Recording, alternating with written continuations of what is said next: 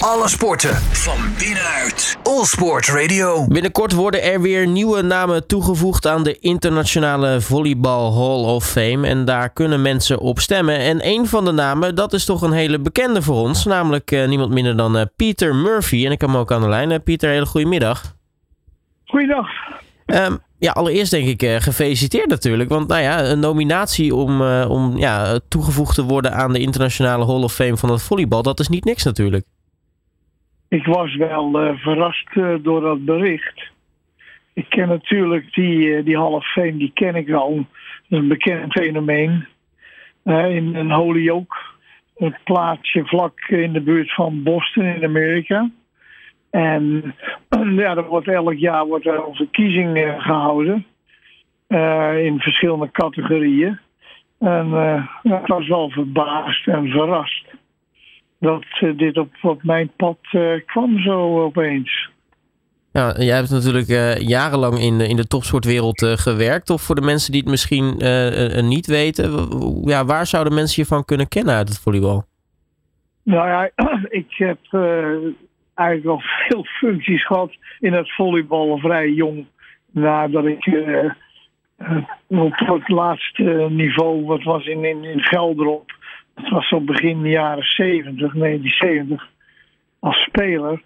Maar ik vond het eigenlijk te lang duren, dat, uh, dat trainen en om zelf beter te worden. Het was weliswaar eredivisie. Maar goed, uh, ik denk, ik ga er wat anders doen. En toen kwam er toevallig een vraag of ik een team wilde trainen, wat een trainer miste halverwege het seizoen. En dat ben ik gaan doen. En mijn vrouw speelde daar overigens. en wij, nou, dat ging heel goed. We kwamen de, met een promotie toernooi de Eredivisie in. En ja, zo ben ik eigenlijk in dat trainersvak verder terechtgekomen. Jaren later vroeg de Nederlandse Volleybalbond of ik het uh, nationaal team vrouwen wilde coachen. Dat heb ik toen een aantal jaren gedaan met een hele mooie resultaat. Voor het eerste medaille voor de Nederlandse Volleybalbond met een, bij een EK gehaald. En toen vroegen ze of ik technisch directeur wilde worden om een, een jeugdprogramma en verder de nationale teams te, te doen.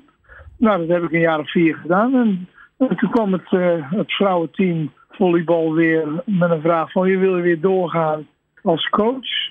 Zo nou heb ik toen ook maar weer gedaan en zo ben ik eigenlijk terechtgekomen in, ja, in, een hele leuke, uh, ja, hoe zeg je dat, in een hele leuke setting weer. Dat ik dat volleybal, ja gewoon, ja dat was mijn sport. Maar ik kreeg wel vanuit andere sporten kreeg steeds de aandacht en de vraag van, joh, kan je ook voor ons iets doen?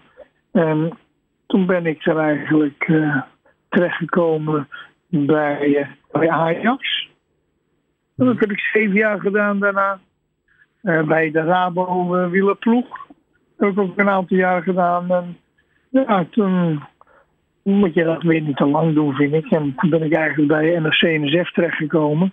Met nog een klein tussenstapje in uh, Italië. Bij, uh, bij een Eredivisieclub Perugia.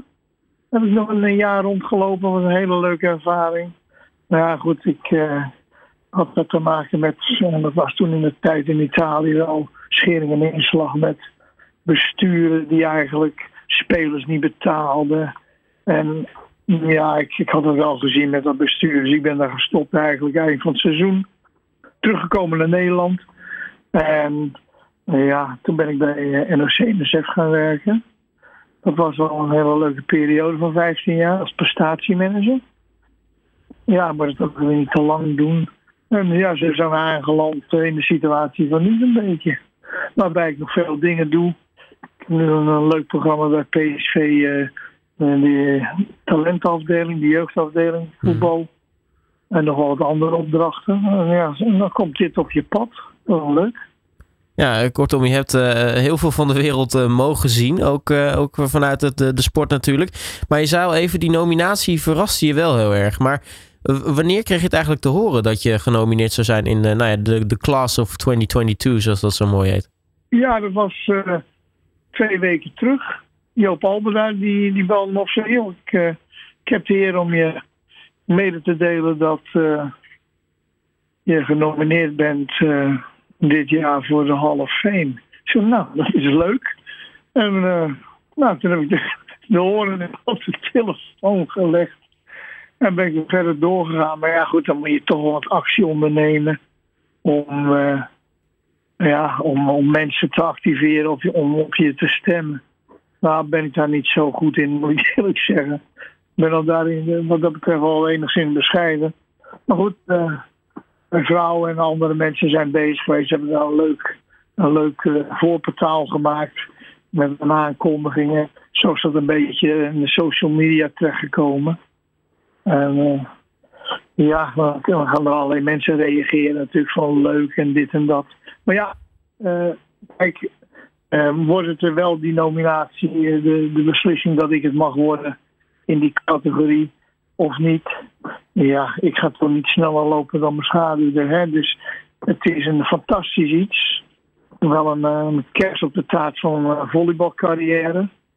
En dat overkomt niet veel mensen om deze nominatie te krijgen. Maar aan de andere kant, ja, het leven gaat gewoon door. En de zorg van alle dag is er natuurlijk ook uh, natuurlijk. En een van die, van die redenen natuurlijk van hoe ik daarin terecht ben gekomen... is dat ik heb uh, bijna 30 jaar in de technische commissie van de Internationale Volleybalbond uh. Mm -hmm. En ja, heel veel WK's en Olympische Spelen meegemaakt. En dat is natuurlijk een van de redenen ook dat dat internationale werk, waar ik eigenlijk een vertegenwoordiger was, weliswaar zelfstandig, maar het Nederlandse volleybal vertegenwoordigde internationaal. Hij heeft daar natuurlijk ook een, een rol in gespeeld bij die nominatie. Ja, nu zijn er heel veel categorieën waar erop gestemd wordt. Jij bent genomineerd in de categorie leaders. Uh, nou, dat geeft toch wel aan dat je ook echt wel wordt gezien als een, een voorloper, als, als een leider in het, in het volleybal. Ja, nou goed, dat is dat werk dat je natuurlijk als coach gedaan en ook daaromheen. Hè, dus net wat ik noemde, dat verhaal van die 30 jaar bijna als technisch uh, commissielid. En dan ook een groot aantal jaren daar uh, secretaris van geweest. En dat is natuurlijk een reden. Technisch directeur bij de Nederlandse Volleybalbond. Met een uh, opdracht om een heel jeugdprogramma te ontwerpen. En ja, de periode van, van, van laten we zeggen, de, de beginperiode dat Nederland omhoog begon te komen. Zo van, laten we zeggen, begin jaren tachtig.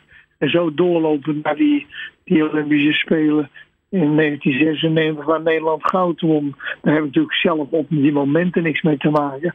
Maar we hebben wel, laten we zeggen, de heipalen in die jaren daarvoor in de grond gestampt.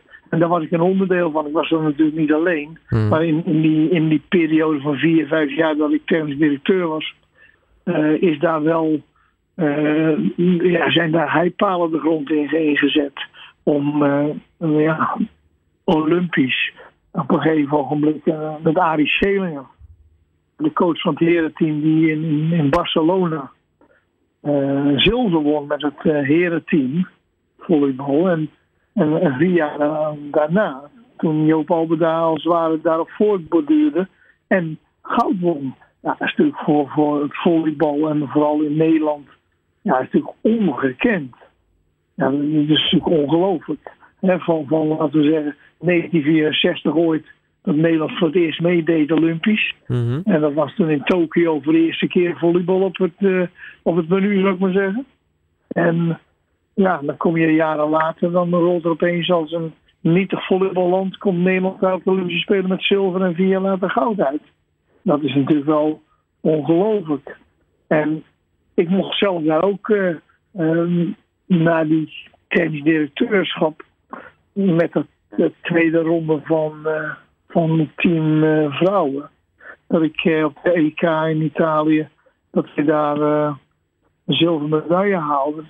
En toen een jaar later ook zelf op de Olympische Spelen terecht kon komen in Barcelona. Dus het, is een, ja, het is een heel groot verhaal met allerlei stations erin. En ja, ik denk dat dat geleid heeft tot die, die nominatie. Ik, uh, ja, ik ben er heel blij mee. Ja, en we gaan zien wat het wordt. Ja, hoe meer mensen natuurlijk erop gaan stemmen op die nominatie. Ja, dat, dat is niet de beslissende stem, maar het heeft wel een hele grote stem. En want de mensen die inmiddels uh, in die half fame uh, plaats hebben genomen, die stemmen natuurlijk ook in die categorieën. En dan moet je maar even wachten of je dat gegund wordt. Nou, laten, laten we het hopen. Het is in ieder geval een zeer verdiende nominatie, Pieter. je kunt in ieder geval nog stemmen voor de mensen die luisteren tot 17 april. En dat kan via volleyhall.org. Dus niet bal, maar hall. Als in Hall of Fame. En daarvoor zou ik zeggen, nou ja, ga stemmen op, op Peter Murphy. mag ik je in ieder geval hartelijk danken voor je tijd. En natuurlijk, nou ja, laten we hopen dat het, dat, dat het zover mag komen dat je mag gaan, gaan zetelen in, in de Hall of Fame. Nou, dankjewel en we gaan het zien. Alle sporten van binnenuit. All Sport Radio.